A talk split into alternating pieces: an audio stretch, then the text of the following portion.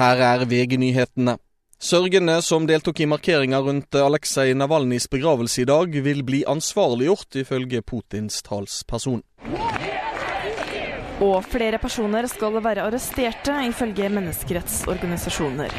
Deltakere i begravelsen ropte Navalnyjs navn og ting som Putin er en morder.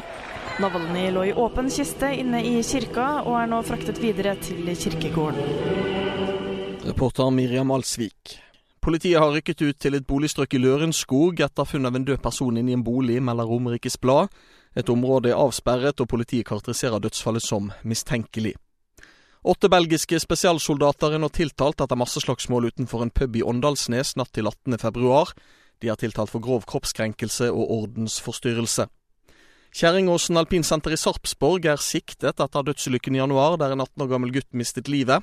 Han døde da han utførte vedlikeholdsarbeid på et hjul øverst i trekket og døde av klemskader. Guttens foreldre mener ulykken kunne vært unngått. En person har omkommet etter en bilbrann på Brandbu på Hadeland. Politiet etterforsker saken. Og Rødt-politiker Erling Folkvord er død, 74 år gammel, opplyser familien. Folkvord har sittet både på Stortinget og i Oslo bystyre. I studio, Thomas Alsaker, nyhetene får du alltid på VG.